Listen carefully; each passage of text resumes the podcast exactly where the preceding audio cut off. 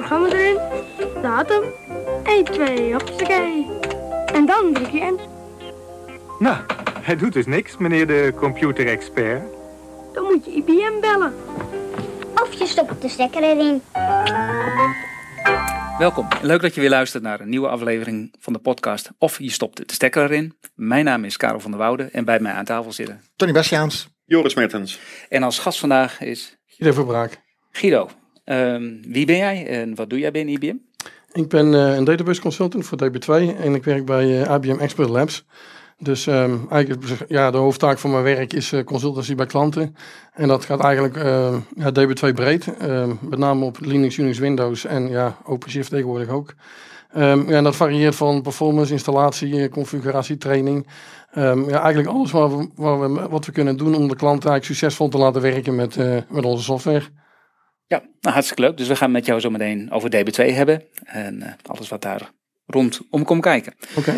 Maar voordat we dat gaan doen, meestal pakken we eerst even wat nieuwtjes. Dus Tony, heb jij eh, nog iets meegenomen Ja. voor de tafel? Ehm, Help Systems eh, is een partner van ons die wereldwijd werkt en eigenlijk elk jaar een survey doet onder IBM i gebruikers. En die vraagt van nou, hoe is de, ja, de staat van je omgeving, zou ik maar zeggen. Hoeveel machines heb je, welk level eh, IBM i draaien, welke generatie hardware draaien, wat zijn je grootste concerns en dat soort dingen. Nou, die, die monitoren dat eigenlijk elk jaar. En dan komt er begin van het jaar erop, ik maar zeggen, komt dan de staat van IBM i eh, volgens Help Systems. En dat is echt een interessante survey. Ehm, maar ja, hoe interessant is een survey? Er moet natuurlijk wel veel input komen. Dus bij deze roep ik eigenlijk alle IBM i gebruikers op om eh, naar de Helpsite of naar Help Systems website te gaan en daar die eh, survey in te vullen. Want ja, hoe meer input, hoe betrouwbaarder de informatie is. En is daar een datum voor, voor wanneer dat gedaan moet worden? Loopt volgens mij tot november, even uit mijn hoofd. Dus dat loopt nog wel even door. Ik zal de link eh, in de show notes zetten. Ja, oké. Nou, waar ik eh, wel op aansla is, eh, is een bericht, eh, en dat is een langer lopende discussie over het aansprakelijk stellen van fabrikanten bij schade door, door AI. Mhm. En ik vind dat een interessante discussie, omdat ehm, eh, AI is natuurlijk iets wat, wat steeds vaker gebruikt wordt, wat ook steeds serieuzer wordt ingezet. Eh, ja, en in hoeverre eh, kun je op een gegeven moment een fabrikant of een bedrijf die gebruik maakt van, van die algoritmes eh, aansprakelijk stellen op het moment dat jij slachtoffer wordt van een bepaalde bias die, die in een algoritme zit of ja, anderzijds schade berokkent. En eh, ja, ik vind het wel leuk om, eh, of leuk, ik vind het wel goed eh, dat er over nagedacht wordt. En ik ben heel benieuwd eh, wat de uitkomst daarvan zal zijn. zeker een interessante discussie. Past natuurlijk een beetje in, in de algemene trend van ook verantwoordelijkheid van fabrikanten op hardwaregebied. Of dingen als je maakt, dat soort dingen. Nou, past dit natuurlijk steeds verder in. Ik denk dat het voor de mensen die het misschien gemist hebben. We hebben een poos geleden Sophie Kuit aan tafel gehad. Eh, die ging daar natuurlijk ook heel erg over het bias en, en ethisch. Ja, ja, ethisch eh, omgaan met AI. Dus ik denk dat dat eh, in deze link nog wel goed is om daar even weer die eens terug te luisteren. Want het was een erg interessante eh, podcast waar, zij echt eh, daarover inging. En, eh, Zeker, ja, Ja. ja. Ja, En ik denk ook dat eh, er zijn denk ik ook nog wel wat stappen te maken. En je ziet nu eigenlijk dat de regelgeving eigenlijk nu op gang komt, terwijl eigenlijk de technologie al aanwezig is. En ik ben er geen expert op, dus vandaar ik als leek op dit gebied denk van, nou oké, daar, zijn- daar is nog wel wat te halen. Dus Ja, maar dat klopt. Maar dat heb je natuurlijk altijd, hè, dat de wetgeving achter de, de techniek aankomt. Ja, ja, ja. Bedoel, dus dat is altijd een beetje de, de discussie. Maar ja. En nou had jij volgens mij ook nog een hele, hele leuke Karel. En, Ik heb het meegenomen. Ik denk, ik eh, ga mezelf voor een uitdaging zetten om te kijken of ik een, eh, een woord kan uitspreken tijdens de podcast. Ehm, ja, ik kwam wat tegen en nou ja, eh, misschien de mensen die mij wat beter kennen weten dat ik een, een opleiding gehad heb. Ooit in het laboratorium, zeg maar. Dus soms sla je aan op een bepaald, eh, bepaald ja, element in dit geval. En er zijn meerdere elementen die vormen tot een molecuul. En eh, er zijn moleculen die gebruikt kunnen worden om warmte eh, en, of geluid of wat dan ook om te zetten in energie. En dat zijn eh piezo-electric molecules of ferro piezo-electric molecules of ferroelectric mo- molecules. Zie je, hij is in blijft lastig. Ehm, En die wordt Vero is dan niet onze eigen Vero ijzer? Of is dat Vero is ijzer. Dat Ja, staat dan voor ijzer. is een element die erin zit, zeg maar, dan in zo'n eh, molecuul. Ehm, maar waarom worden dit soort moleculen nou gebruikt? Nou, onder een trigger van warmte of eh, geluid of wat dan ook, kunnen eh, de moleculen van vorm veranderen, zeg maar. En daarmee kan elektriciteit worden opgewekt. Dat wordt ook gebruikt op dit moment. Eh, het nadeel van heel veel van dit soort moleculen is dat daar lood in zit. Dus giftige stof in zit. Zodat dat, ja, we goed op moeten letten. Hoe gebruiken we dit, zeg maar, en wat voor vormen gebruiken we dit? En dat is dan, zeg maar zeggen, op een kleiner niveau het verschil van wat, wat als water bevriest en als water kookt, dat het stoom wordt. Dat, Bijna wel, ja. Het, het is een, Eh, een of- status ja, van een ik heb die molecuul, ja, opleiding wel. van jou niet gehad, dus ik ben bij scheikundeles Nee, ben ik daarbij gestopt. Je zou het bijna kunnen zien als, nou ja, als je het helemaal vervormt, bij wijze van spreken, is dat je het initiële molecuul is helemaal recht, bij wijze van spreken. En op het moment dat je hem triggert, dan is een gedeelte van het molecuul flipt als een schakelaar om en blijft in die eh, stand staan. En ja, daarmee kan je dingen doen. En een van de dingen die ook is, van ja, waar ben je mee bezig? Storage zijn we mee bezig. We weten Nee, storage jij bent vooral met storage bezig. de- en ik ben, maar eh, storage is een 1 en een 0, dus dat, dat is een soort van schakelaar. Nou, dat kan hier ook, eh, wordt hier ook in gebruikt in dit soort zaken. Dus, Oké. En we zien dus nu eigenlijk een ontwikkeling, een ontwikkeling door Rutgers Universiteit in Californië, eh, die eh, gaat kijken naar een molecuul die niet op, eigenlijk gekeken heeft naar een molecuul niet op basis van lood, die ook dit soort eigenschappen heeft, zeg maar. En dat is eigenlijk wel leuk om te zien van, hé, hey, waar zijn we de, ja, de markt nog meer mee bezig? Of waar zijn we in de wereld mee bezig? En wat voor impact heeft dat potentieel in de toekomst op ons? Dus ik zet hem er even bij, vis.org, eh, voor de mensen die het leuk vinden om Ja. het eens een keer te lezen. Oké. Nou, En, en mocht je daar vragen hebben, Karel is de expert, dus... Die weet alles. Nee, ik weet niet alles, maar wat je soms ga je... één keer uitspreken? Eh, dat laten we voor de show notes. Ja, dankjewel. Ehm Naar onze gast, Guido. Guido, jij eh, gaf al aan, hè, dus ik ben oorspronkelijk ooit bij Lab Services gezeten. Tegenwoordig heet het anders, eh, Ja, denk het ik. Of eh, jij zit in een ander gedeelte van de organisatie? Nee, ja, het is eigenlijk natuurlijk een. Ja, ik denk dat het één of twee jaar geleden is dat natuurlijk die organisatie een beetje wat veranderd is. Ook met de afsplitsing naar Kindle. En toen is natuurlijk eigenlijk een, weer ja, IBM software ontstaan. En, en ik denk waar jullie bij zitten, IBM Systems. En in dat software, daar hebben we ja, een afdeling, zou ik maar zeggen, IBM Expert Labs. En wij zijn eigenlijk ja, gelieerd aan de, aan de labs. Hè. Dus het is eigenlijk de bedoeling dat wij zo'n vooruitgeschoven post zijn die ons uitkomt bij klanten. Ehm, ja, en als we daar dingen tegenkomen, dat wij ervoor kunnen zorgen dat we ze daadwerkelijk opgelost krijgen. Eh, door of zelf te doen, en als het nodig is, eh, de labs eh, rechtstreeks in te kunnen schakelen. We hebben ook directe lijnen. Dus dat is eigenlijk het verschil tussen eh, gewone DB2 consultants van partners of zo. En het verschil wat wij dan maken, doordat wij die korte lijnen hebben met, met de development teams. Ja. Dus eigenlijk sowieso zit eh, de vork in de steel met betrekking tot dat gedeelte waar ik in, in werk. Jouw expertise is al jaren, voor zover ik weet, zo lang als ik jou ken, zeg maar, dat is al enige tijd terug, DB2. Ja, klopt. Eh, ik ben daar ehm, eigenlijk zo'n beetje ingerold eh, vanuit een soort ja, data warehousing sfeer.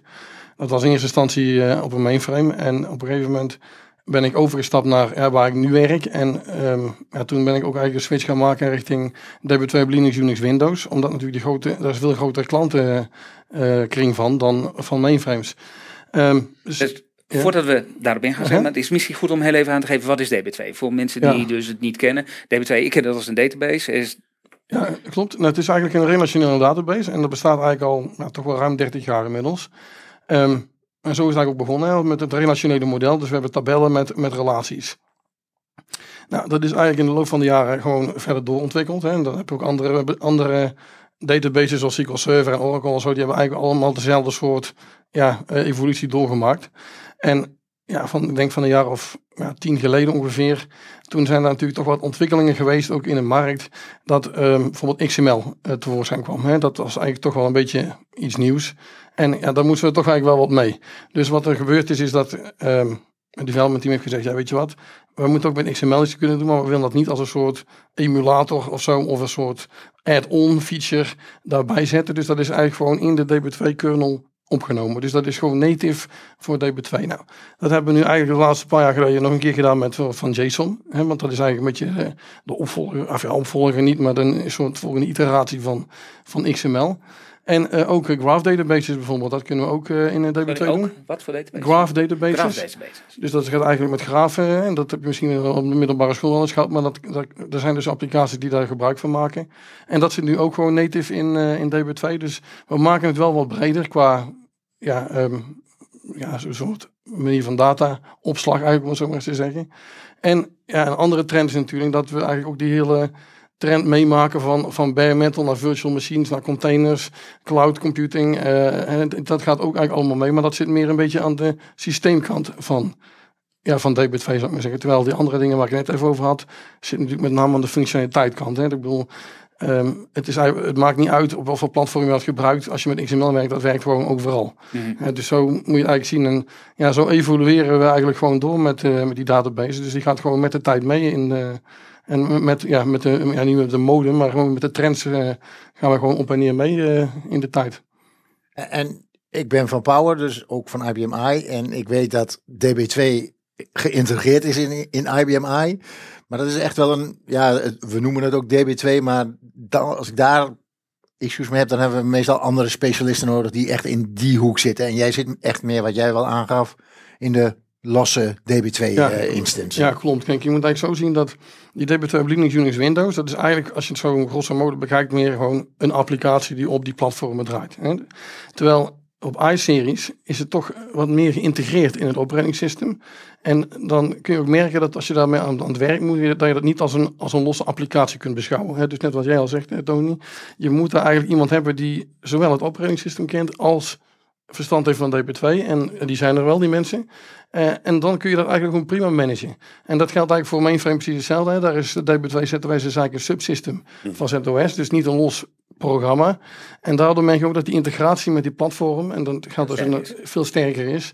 En dat, dat brengt natuurlijk een aantal voordelen met zich mee. Maar ook soms ook een beetje eh, nadelen. Hè. Ik bedoel, als je dus eh, op een, op een DB2 LUW werkt, wat eigenlijk gewoon een losse applicatie is, dan is het toch wat makkelijker om dingen te verplaatsen. Hè. En op een mainframe, dat ga je niet heel snel migreren naar even naar jullie Linux om te proberen of dat werkt. Ja, dat zijn hele grote trajecten, waar vaak ook veel, veel gecompliceerde factoren bij komen, komen die je ja, echt wel even goed over na moet denken. En terwijl je echt zegt van nou, ik wil bijvoorbeeld een, een migratie doen van DB2 op AIX naar Linux of andersom, maakt niet uit.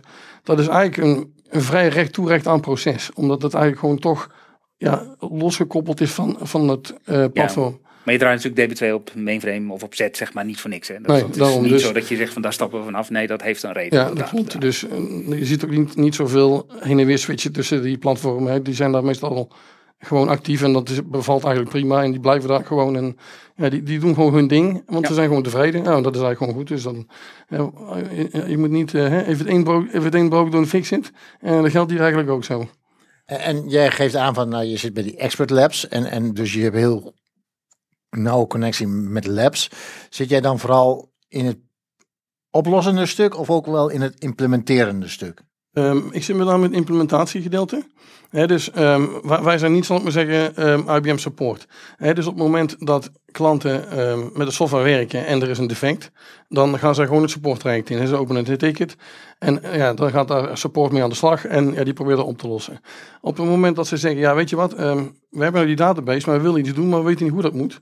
Dan komen we eigenlijk in beeld. Hè, dus dan gaan wij ze gewoon helpen en zeggen, nou, kijk eens, eh, wat zijn jouw use cases? Ja, hè, wij willen dit en dat doen. Nou, oké, prima. Dan gaan wij gewoon tegen hen zeggen, nou, dan, als je dat wil, dan moeten we die richting op. Dit moeten we gaan doen.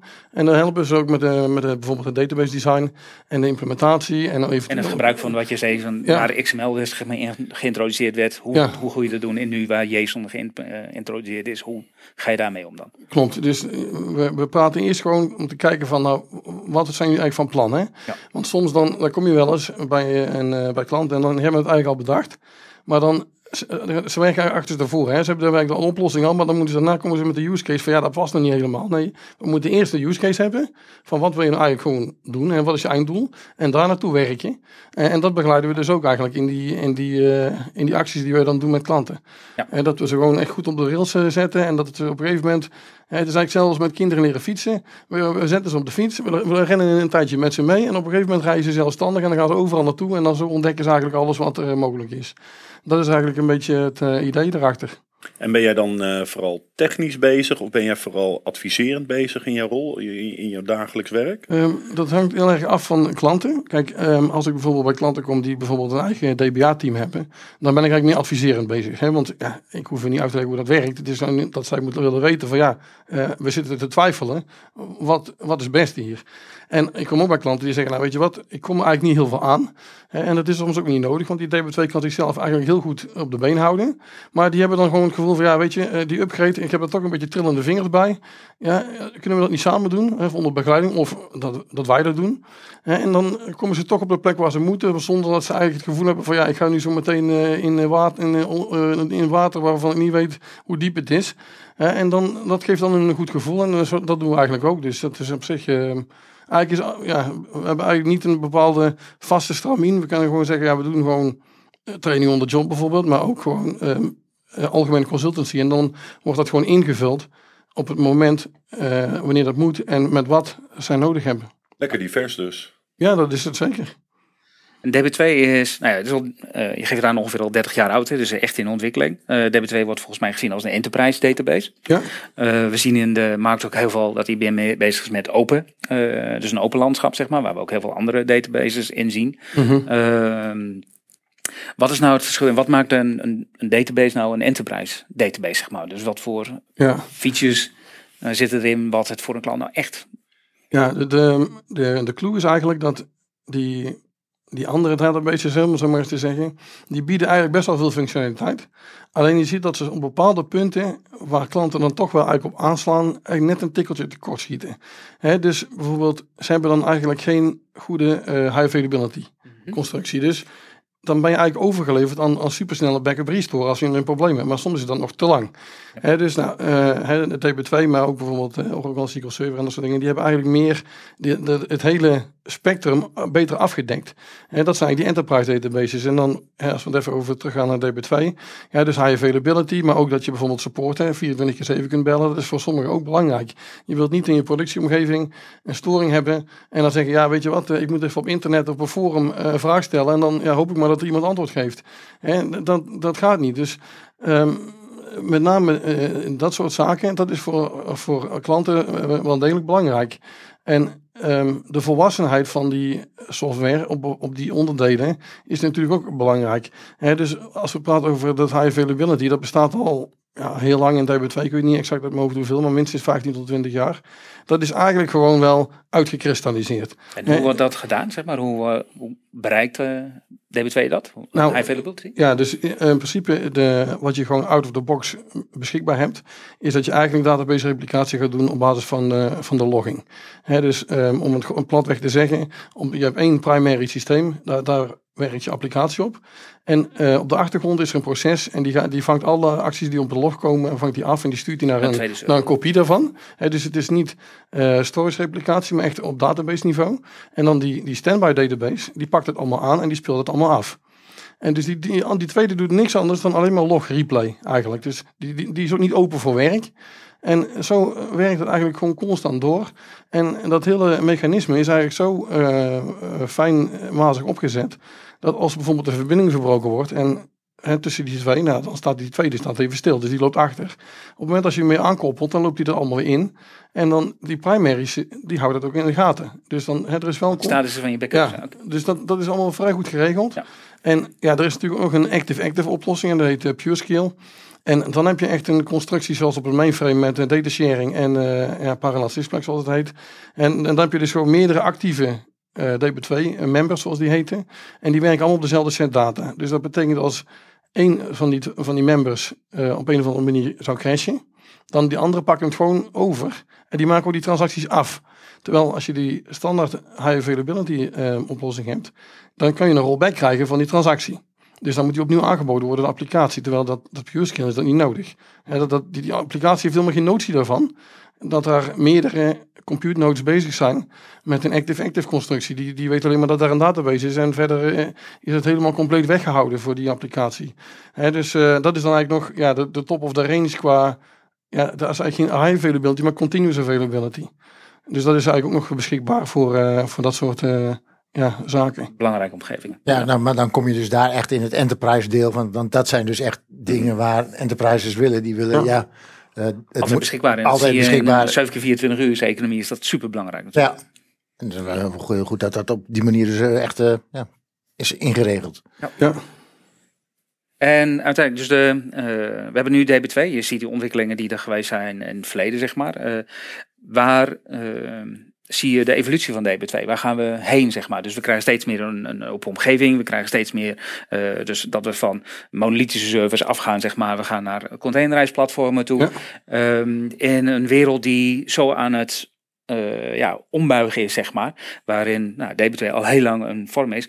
Gaat een product, een enterprise uh, pakket als DB2 daar ook in mee? Ja, dat, uh, dat doen we zeker. Kijk, in principe zijn we gewoon op die golf meegegaan van, van bare metal eerst naar virtual machines. Nou, dat was natuurlijk al een, al een behoorlijke slag om, om de capaciteit wat hè, beter te gebruiken. Um, nou, dat, dat werkt nog steeds prima. Dus je, er, is, er is niks afge, afgestoten van uh, dat soort functionaliteit. Dus je kunt nog steeds gewoon bare metal draaien of VM's draaien. En tegenwoordig kun je inderdaad ook DB2 in containers, een, ja, een versie van DB2 draaien. Um, met de eerste iteratie daarvan, dat was natuurlijk eigenlijk gewoon een soort Linux systeem wat ingepakt was in de container. En dat draaide je dan op Docker. Maar sinds, ja, ik denk een jaar of twee, is er echt een, volledig is um, ja, gecontaineriseerde versie van DB2 gekomen die eigenlijk ook voldoet aan die standaarden die gelden in die OpenShift en, en Kubernetes um, sfeer. En dus die is eigenlijk, wat er gebeurd is, dan zijn die DB2's uit elkaar gehaald. En die hebben ze eigenlijk weer opgebouwd als microservices. Aan de buitenkant zie je er niks van. Maar het voldoet wel aan de standaarden van zo'n cloud platform. Maar dan zeg je de DB2's zijn opengehaald. Betekent dat een DB, de onderdelen van DB2 zijn echt opgesplitst in die in verschillende microservices neergezet? Of is dat... Nee, aan de buitenkant zie je dat niet, maar onder water wel. Dus op, uh, je ziet nog steeds gewoon, als ik een, uh, een DB2 op OpenShift of Kubernetes zou gaan draaien, dan zie ik nog steeds gewoon één DB2 uh, instance, hè, ja. zoals dat heet. Uh, maar om, om, de achtergrond is daar ook een DB2 operator aan de gang. Hè, dat is een, uh, een Kubernetes uh, object, wat eigenlijk de, de lifecycle van zo'n container managt. Hè, dus het installeren, het, uh, maar ook het upgraden en zo. En die zorgt ervoor dat als ik op een gegeven moment zo'n container deploy met bepaalde parameters, dat bepaalde functionaliteiten geactiveerd worden en sommige niet. He, dus je hebt niet zou ik zeggen, gewoon één grote aan-uitschakelaar van alles is aan of alles is uit. En dan dat op de achtergrond zorgt die operator ervoor dat bepaalde dingen gewoon geactiveerd worden en bepaalde dingen ook niet. Ja. En bijvoorbeeld dat graph, dat kun je gewoon aangeven of je dat aan, aan of uit wil hebben tijdens je deployment. Dus zo moet je het eigenlijk zien. Terwijl als ik een DB2 on-premise zou doen, dan krijg ik me gewoon... Alles ja, zit erin. Dan krijg ik me ja. gewoon erbij bij spreken. En dat zorgt ervoor dat die footprint in, in zo'n platform ook gewoon zo klein mogelijk blijft van wat, precies wat je nodig hebt. En daardoor kun je dus weer die, de tweede inslag maken. Dat je zegt van nou, hè, met die, met die bare metal naar VM hebben we een slag geslagen. Nou, van, van, van virtual machines naar containers hebben we heel veel overhead van het operating weg kunnen houden. Omdat dat natuurlijk dan hè, door de host wordt, uh, wordt weggewerkt. En dan heb je hier dus nu ook zo dat je dan kunt zeggen, nou, die, die functionaliteiten die we nodig hebben, die activeren we. Waardoor je eigenlijk met, met veel minder capaciteit uh, nog steeds hetzelfde kunt doen. Ja, oké. Okay. En, en, dat geeft dus eigenlijk net mijn antwoord. Wat ik, want je was me net voor met die vraag daarover. Sorry. Nee, want juist databases zijn meestal groot. En zo wil je dat in een container doen, maar je legt het wel heel goed uit van, ja, doordat je die footprint kunt verkleinen en, en gebruiken wat je nodig hebt, is dat dus inderdaad de oplossing nou, daarvoor. Het opsplitsen in verschillende stukken, zeg maar, in sub-onderdelen. Ja. Dat maakt het ook weer uh, beter, maar ik denk ook beter scalable uiteindelijk. Ja, ja kijk, en um, het punt is natuurlijk dat um, je kunt het eigenlijk, op het moment dat je hem gaat deployen, kun je dat eigenlijk helemaal aanpassen. Hè? Je hebt dan in, in, uh, in Kubernetes en OpenShift noemen ze een, custom resource definition. En dat is eigenlijk gewoon de, context waarin die container draait. Hè, daar geef je aan van hoeveel CPU-power ga ik geven, hoeveel memory ga ik geven, uh, welke disken ga ik eraan hangen of voor storage. En dan zo, zo maak je heel die context van die container. En dan kun je zeggen, nou oké, prima, uh, dit is een grote database, dus ik moet die wat meer gas geven. En, en die kleintjes, die geven gewoon wat minder. En dan zorg je tegen Kubernetes en OpenShift. Weet je wat, zoek jij maar lekker uit waar die dingen draaien. Ja. En dat, dat kan dan gewoon. Ik heb DB2 zelf niet heel goed, maar ik heb er vanuit Spectrum Control ook wel meegewerkt, zeg maar. Er is eigenlijk onder water heel veel verschillende tablespaces ja. wat daar gebruikt wordt. Is dat nou dat die tablespaces worden opgesplitst, zeg maar? Of blijft dat wel als één geheel in een uh? Um, in, in, de, in, kijk, uh, in de containerversie, daar is het eigenlijk redelijk... Uh, tot een soort standaard geworden hoe dat opgezet is. Okay. Je, je, kunt daar wel um, aan toevoegingen aan doen. Hè. Dus je moet zo zien dat de, de basiselementen om, om die DB2 te laten werken, hè, dus zijn eigen metadata, zal ik maar zeggen, en zijn standaard tablespaces die uit de doos komen, hè, dus bijvoorbeeld de catalog, hè, die heb je natuurlijk nodig, die, die komen altijd op een standaard locatie terecht. Ja, lijkt me logisch. Nou, maar dan, daarna stopt niemand jou om te zeggen, nou ik ga um, in, mijn, uh, in mijn definitie van mijn OpenShift deployment, ga ik aangeven dat ik nog meerdere locaties wil hebben. En die worden dan in die container beschikbaar gemaakt. En dan kun je natuurlijk, op het moment als je al in DB2 gaat, kun je zeggen, ja kijk eens, ik wil deze tablespace wil ik eigenlijk op dat mount point neer- neerzetten. Want daar zit een disk achter, Ja. die met specifieke karakteristieken, bij zo'n spreken. Dus het is, allemaal, het is allemaal aan te passen, ook zoals het al vroeger on-premise ging. Alleen ja, omdat natuurlijk zo'n zo'n ehm, Kubernetes platform qua ehm, capaciteit en dan met name storage wat anders opgezet is, zijn de ideeën wel hetzelfde, alleen de implementatie is anders. En zo is het met heel veel dingen heb ik gemerkt dat, dat je het wel herkent van, oh ja, wacht even, dat komt me wel bekend voor, maar het is gewoon op een andere manier opgezet. Met het, met, vanuit het perspectief van zo'n Kubernetes en OpenShift. Ik vind het een, eh, een fantastisch verhaal. Eh, Voor mij is het een, eh, een, een heleboel wat ik hoor is absoluut nieuw. Is er een plek dat, heb je misschien een, een, een- website of is er een landingsplek waar wij meer informatie kunnen vinden? Of als, als de luisteraars contact willen opnemen, is er, een, is er iets wat we in de show notes kunnen toevoegen? Ja, zeker. Kijk, je kunt natuurlijk in principe altijd contact met mij opnemen. Dat kan altijd. En het tweede punt is, er zijn een aantal pages, ik zal die anders beschikbaar maken, waarin bijvoorbeeld ehm, uit de doeken wordt gedaan hoe je, als je bijvoorbeeld wat wil proberen. Je kunt bij eh, Red Hat kun je een Code Ready container eh, downloaden. En dat is eigenlijk gewoon een, een piepklein OpenShift clustertje, gewoon een pitter. En die kun je gewoon op je eigen computer draaien. Als je wat normaal wat capaciteit, wat normale hoeveelheid capaciteit hebt qua memory, kun je die daar draaien. En dan is er een collega van, eh, van ons die meer wereldwijd werkt, die heeft daar een soort handleiding voor geschreven hoe je daar een DB2 in kunt deployen. Dus dan kun je er in principe eigenlijk vrij laagdrempelig al gewoon een beetje mee rommelen. Daar houden we van. Ja, Ja, Daar ben ik- zijn we weer. ziet. doet dan niemand mee kwaad, want je zit het op je eigen PC te doen, dus dan, hè, je valt er niemand mee lastig. En, en dat geldt in principe ook zo voor eh, Kubernetes. Hè. Je hebt Minikube, dat is eigenlijk ja, Kubernetes, hetzelfde als die andere Code Ready container. En daar kun je ook ehm, DB2 in laten draaien, want we hebben het nu zo gemaakt. In eerste instantie was DB2 alleen op OpenShift beschikbaar, maar nu is het ook op Kubernetes direct beschikbaar. En, want niet alle klanten hebben eh, OpenShift. Hè, dus dat is wel even eh, vermeldenswaardig. Dus in principe ehm, hebben we een soort sandboxes, constructies die beschikbaar, waarbij je dat eigenlijk gewoon kunt gaan uitproberen. Nou, ik hoor al wat Joris de komende niet tijd gaat doen. Ja, ja, ja. helemaal Joris goed. is dit weekend bezig. Ja. Ja, helemaal goed. Perfect. Dankjewel. Ik eh, had voor de rest geen vraag. Ik denk, ja, super eh, interessant. En als er eh, nog vragen uit het veld komen, dan kunnen we natuurlijk altijd vragen of Guido weer opnieuw aanschuiven. Ja. Heeft voor nu- iemand anders nog wat? Nee, voor nu trekken wij de stekker eruit en dan kan Joris meteen gaan proberen. Ik, ik, ik zie hem al springen van, van vreugde. Hij gaat het echt Ja, leuk, leuk. Guido, heel erg bedankt. Eh, erg eh, interessant. Eh, DB2, net als wel meerdere dingen ben je bij IBM natuurlijk lange geschiedenis. Maar goed te horen dat daar echt die stappen gemaakt worden en mee blijven gaan in die ontwikkelingen. En zeker dat dat met die containerijst en dat mensen dat zelf kunnen proberen. Ik denk dat dat een, eh, een eye-opener was. In elk geval voor mij. Dus eh, erg dank voor die informatie en Ja. eh interessant gesprek. En dankjewel. En voor nu denk ik, de stekker er weer uit. ja, oké, dankjewel. volgende. Tot de volgende keer.